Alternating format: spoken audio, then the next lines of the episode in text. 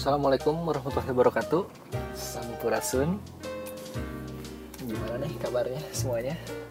Sehat? Keluarga sehat?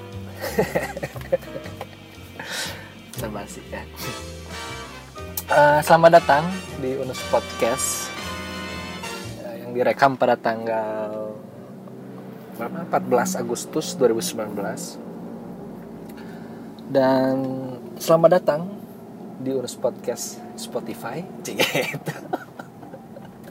Karena aku seneng banget akhirnya bisa ngupload podcast ini di Spotify. Sebelumnya aku menggunakan platform Instagram Instagram TV lebih tepatnya Di mana aku hanya dibatasi 15 menit gitu. Karena aku bukan siapa-siapa kan. Siapa sih Lunus? Jadi si Instagram cuma ngasih 15 menit Maksimal 15 menit di Instagram TV Widih, selalu aja ada motor kayak gitu. Ya, jadi selamat datang di podcast Unus Podcast Spotify. Di sini aku bisa lebih dari 15 menit, bisa lebih santai, nggak keburu-buru. Dan episode kali ini aku mau ngomongin apa ya? Em, ini teman-teman pasti per- eh, kemarin-kemarin sempat dengar berita bahwa eh, Gus Mif minta izin ke Anis untuk berdakwah di tempat hiburan malam ya kan? dan keren sih menurut aku ini keren banget. Eh, eh, awalnya aku eh, mikir ini ide gila sih. Ya kali gitu ya orang lagi dugem terus didatengin terus ceramah dan ternyata nggak seperti itu.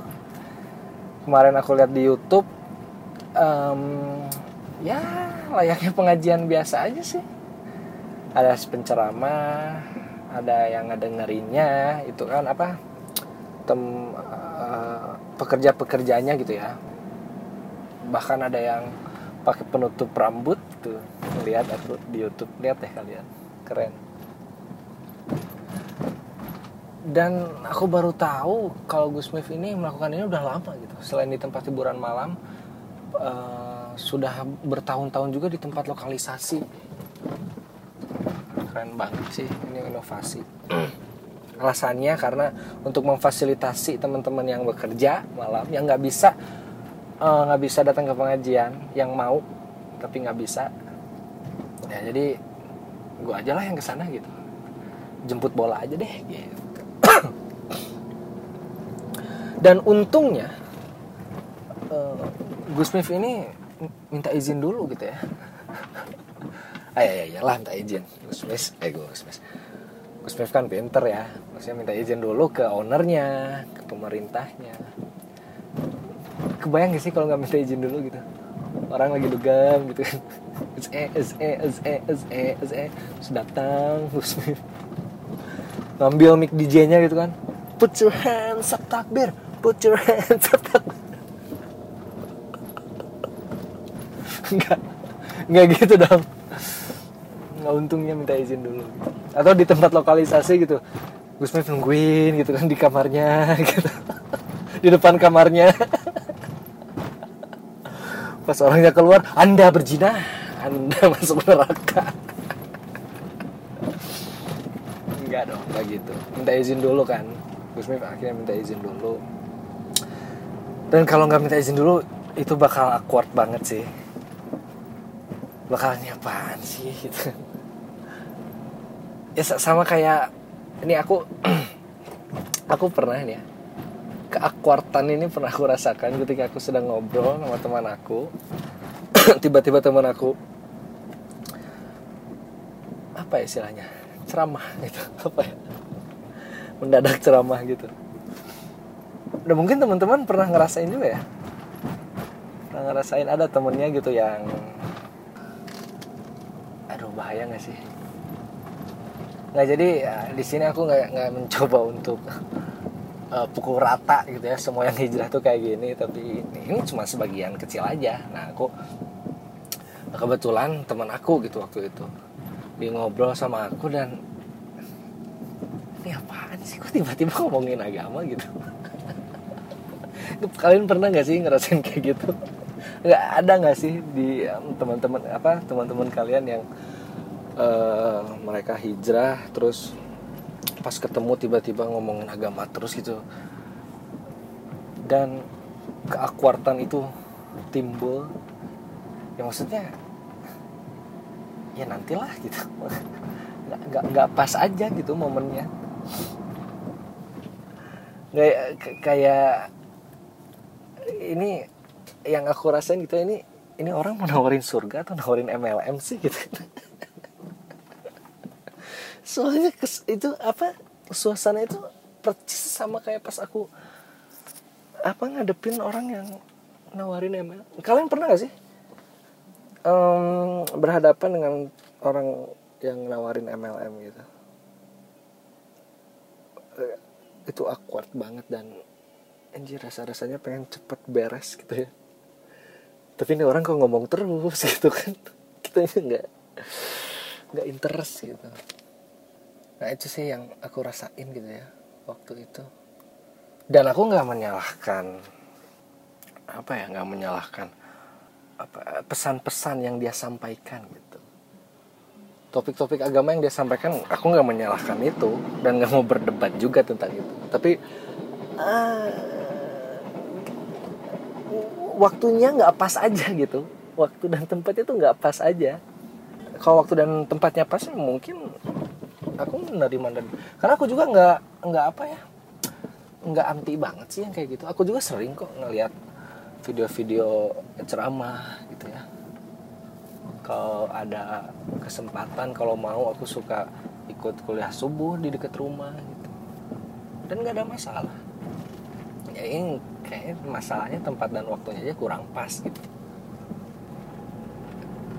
Ini sekali lagi bukan aku nggak nggak pukul rata semua yang hijrah gini ya. Ya semacam ada stereotip gitu. Stereotip orang-orang yang berhijrah ya sama halnya kayak uh, ini gara-gara cowok-cowok brengsek nih ya. Cowok-cowok brengsek yang berhasil bikin cewek-cewek eh brengsek loh ngomong gitu. Aku dan cowok-cowok pada umumnya yang baik yang tulus sayang cinta gitu.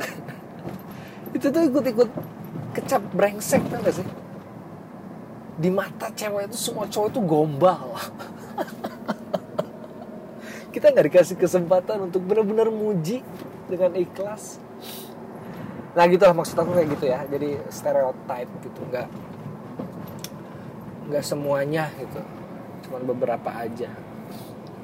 Nah menurut aku ini hmm, masalah komunikasi sih ini. Masalah sosial. Cik gitu kalau di komunikasi itu ya yang setahu aku yang aku pelajari gitu uh, ada. Hmm, apa apa ya lupa gue prinsip prinsip komunikasi. Nah salah satu prinsip komunikasi itu ada pro, uh, komunikasi itu terjadi di dalam konteks ruang dan waktu.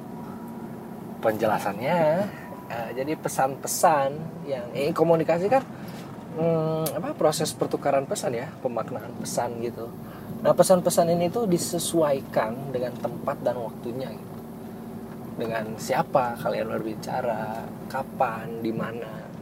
Karena um, beda tempat atau beda waktu mungkin maknanya akan berbeda. Contohnya di aduh, misalnya lagi di rumah sakit nih. Siapa aja sih peserta komunikasi di rumah sakit itu gitu? Ya ada dokter, ada suster, ada pasien. Obrolannya juga ya seputar kesehatan keluhan pasien gitu kan apalagi resep obat gitu obat penenang gitu nggak nggak banget gitu kalau kita lagi di rumah sakit gitu atau lagi praktek dokter gitu dok aku kayaknya kena santet gitu. Aku muntah paku dok. Enggak kan? Enggak gitu dong. Nasi dokternya juga mau ngapain gitu? Mau nulis resep pakai Arab gundul? Gimana? Nggak mungkin. Eh, pesan yang sama itu mungkin akan dimaknai berbeda. Kalau tempat dan waktunya juga berbeda gitu kita ambil contoh obat penenang tadi gitu ya. Ketika kalian ngomongin obat penenang di apotek bersama apoteker yaitu obat. Ya. Anjuran dokter dokter saraf atau psikolog gitu. tapi ketika kamu ngomongin obat penenang di parkiran dengan teman-teman. Itu jadi beda dong konteksnya. Maknanya jadi beda gitu obat penenangnya ya, ya I don't know kenapa? Obat penenang gitu. Ya maksudnya lu jangan tiba-tiba ngomongin yang tiba-tiba ngomongin aurat pas kita lagi nonton Avenger gitu ngerti gak sih? Atau lu jangan tiba-tiba ngomongin eh, tata cara menyembelih kambing gitu menurut Islam. Kepada pedag pedagang daging di pasar gitu. apa coba gitu ya? Kuat banget Nah sekali lagi aku nggak nggak mempermasalahkan pesan-pesannya ya, ya aku nggak mempermasalahkan apa sih yang disampaikan oleh teman aku waktu itu gitu, nggak. Aku yakin eh, dia punya referensi gitu ya. Kenapa dia bisa ngomong gitu? Aku yakin karena dia punya pegangan ya walaupun mungkin pegangannya video Instagram satu menit gitu ya ya enggak tapi aku yakin apa yang dia sampaikan itu benar gitu ya cuman nggak nggak pas aja gitu waktunya. Jadi masalahnya itu bukan ada di what atau di who gitu. Ini lebih ke when where sama how. Yang maksud aku kalau mau ngomongin sesuatu apalagi pesan-pesan agama gitu ya bo, bo ya dilihat dulu sih waktu dan tempatnya. Nah itu si Gus Gusmu apa Gusmis? Eh Gismu eh siapa? Gusmif ceramah di tempat dugem ya itu kan beda lagi. Maksudnya saat si Gusmif itu melakukan pengajian di tempat dugem ya tempat itu emang udah jadi tempat pengajian. Tempat nama tempat dugem itu cuma jadi keterangan tempat aja gitu cuma jadi label aja. Fungsinya tuh udah berubah gitu nah makanya Gus Smith kan minta izin dulu kan? Minta izin dulu ke ownernya ke pemerintah. Nah saat si izin itu di ACC nasib fungsi tempat itu udah berubah. Udah emang jadi tempat dakwah nggak yang tiba-tiba lagi dugem terus datang anda masuk neraka anda berdosa. Enggak kan? Ya ini ini cuman apa ya bukan kritikan sih ini cuman keresahan aku aja sih. Dan mungkin teman-teman juga merasa pernah ada yang merasakan gitu. Uh, ya aku jadi inget ya dulu waktu zaman Nabi. Gitu ah tau lu nus. Nggak nggak ini boleh kalian cross check ke teman-teman yang lebih tahu agamanya gitu ya lebih pintar ilmu agamanya. Aku kan masih kurang ya ilmu agamanya ya walaupun dulu SD SMP nilai agama bagus gitu. Tapi nggak ngejamin masuk surga juga. Terus kalau misalnya nilai agamanya jelek kalian protes gitu ke gurunya bapak tidak punya hak menilai agama saya gitu. Yang menilai agama saya itu Allah subhanahu wa taala. Aduh balik balik balik. Balik ke topik apa tadi? Oh sejarah ya. Dulu ini ngomong-ngomong tentang uh, dakwah ya banyak gitu ya katanya banyak para sahabat yang masuk Islam itu kar uh, karena kagum dengan sifat dari Nabi Muhammad karena kagum dengan akhlak Nabi Muhammad.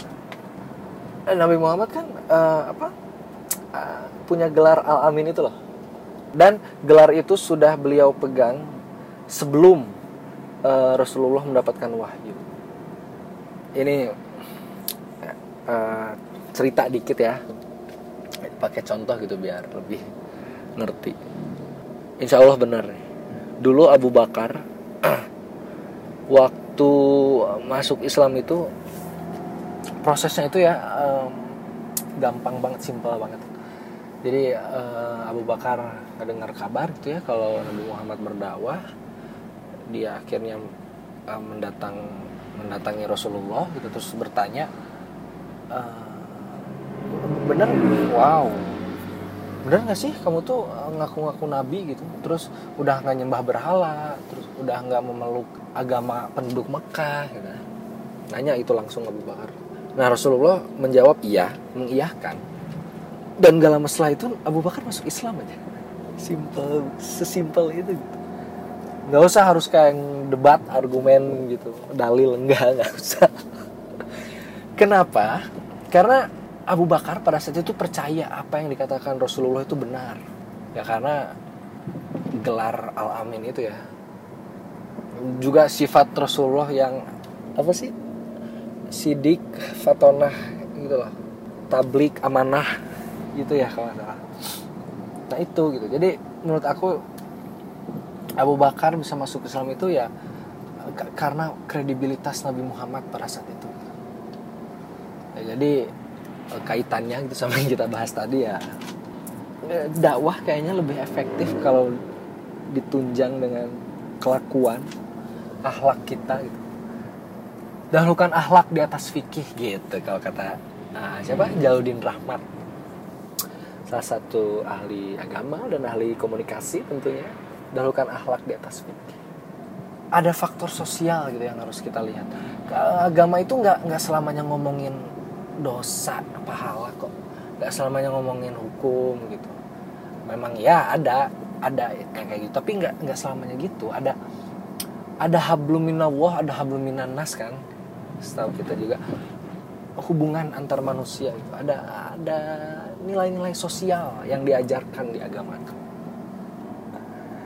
ya, tapi aku nggak menyalahkan ya. Di sini aku nggak menyalahkan kalau hijrah itu jelek. Enggak hijrah itu bagus kok. Eh, nggak uh, semua orang bisa berubah total seperti yang teman-teman uh, lakukan gitu. Dan kalaupun ada yang berhasil berubah nggak semuanya itu bisa bertahan konsisten istiqomah cik buat teman-teman yang belum hijrah jangan khususnya aku jangan terlalu cepat ngejudge lah. Maksudnya uh, kalaupun ada satu dua teman kalian yang setelah berubah itu jadi apa ya jadi apa ya di nggak asik gitu. Ya nggak semuanya gitu kok.